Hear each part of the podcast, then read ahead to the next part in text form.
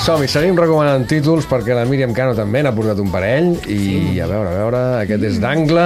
Sí, Angle La i Misha Ma- es i- frega les mans. Angle i les males herbes. I les males Eh, herbes. Perquè són dos llibres d'en Víctor Nubla que han sortit pòstumament. En Víctor Nubla eh, ens va deixar a principis d'abril, si no recordo malament, eh, durant la, la pandèmia, al principi de la, de la pandèmia, i ara acaben de sortir aquests dos llibres meravellosos, eh, biografies il·lustres de personatges breus, que és un llibre eh, que ens situa al 2525, la humanitat s'ha anat a Norris i els historiadors del moment estan intentant recollir els fragments que han trobat cremats de llibres eh, esmicolats per reconstruir les biografies d'aquests eh, personatges il·lustres que són doncs, des d'Immanuel Kant, Margaret Thatcher, Rita Hayworth, Roger de Llúria, Vasily Kandinsky, Joana d'Arc...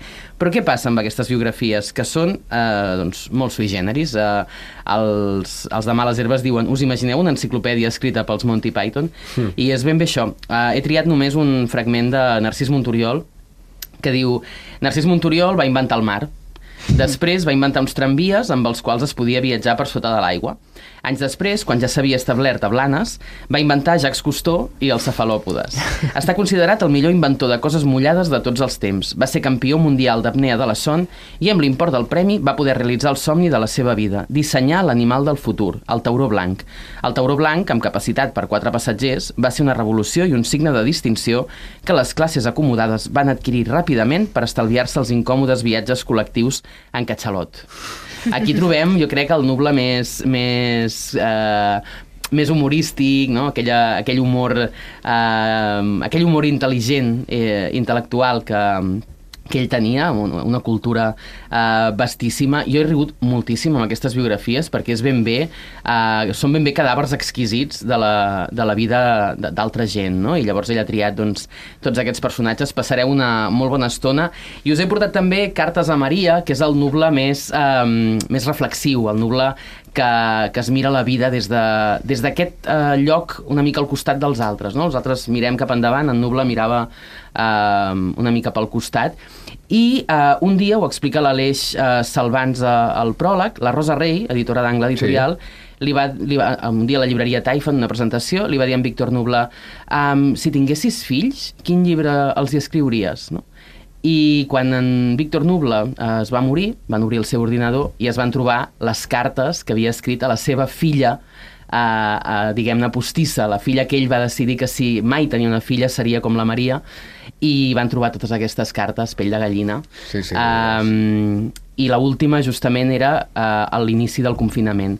Són unes instruccions patafísiques per la vida que van doncs, des de reflexions sobre la ciència, sobre la gestió cultural, uh, a la que ell es va dedicar també durant molt de temps, des de Gràcia Territori uh, Sonor i festivals com el, com el LEM, sobre la propietat, sobre Gràcia, sobre Barcelona, sobre economia, no? I al final jo crec que és un bon llibre per a agafar aquest estiu, no? L'estiu és un moment de, de certa reflexió, de situar coses, i per què no mirar-nos-les des del punt de vista d'en Nuble, que era eh, molt peculiar, eh, poc, eh, diguem-ne, ortodox, i molt, molt, molt, molt culte, molt intel·ligent. I em sembla que aquest homenatge en forma de doble publicació pòstuma, que de fet eh, el, van fer l'altre dia un homenatge eh, pels bars de Gràcia, uh -huh. que era una cosa que al Nuble li encantava, eh, les dues editorials, que es va acabar també amb una, amb una gran celebració, on es van llegir eh, fragments, i em sembla que eh,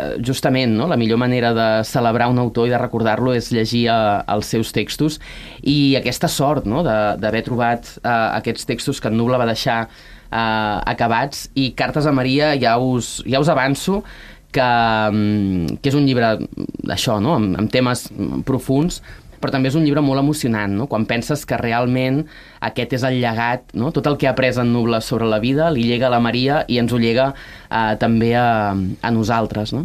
Caram, que bonic i quina doble oportunitat Sí. de... Hosti. Sí, sí, a més a més amb les seves obsessions de sempre, no? A L'esoterisme, l'univers, a la, la ciutat, no? Ell era un, un gran amant de, de Barcelona i començava a ser molt crític amb el que s'estava convertint Gràcia, per exemple, Mm. eh, i com s'estava escampant com una tacadoli cap a la resta de, de Barcelona i jo tinc una anècdota, és molt divertit perquè l'última vegada que vaig veure en Nuble vaig fer una cosa amb ell tan prosaica com comptar diners Uh, penso, ostres, l'última cosa que vaig fer amb en Nubla va ser repartir-nos la taquilla d'un recital que vam muntar al, al Gràcia Territori Sonor, Sí, sí. Una, un encontre en l'espai-temps, i sempre penso, ostres, és l'última cosa que vas fer amb aquesta, no? amb aquesta Veus? persona tan, tan uh, poc, diguem-ne, lligada als diners. Sí, no? sí, sí, total. Uh, I us recomano moltíssim aquests, uh, aquests dos llibres i a més a més el Cartes a Maria jo crec que és allò com ideal per agafar després de, de dinar aquella hora no? i llegir una mm. carta i pensar-hi una miqueta, no, no devorar-lo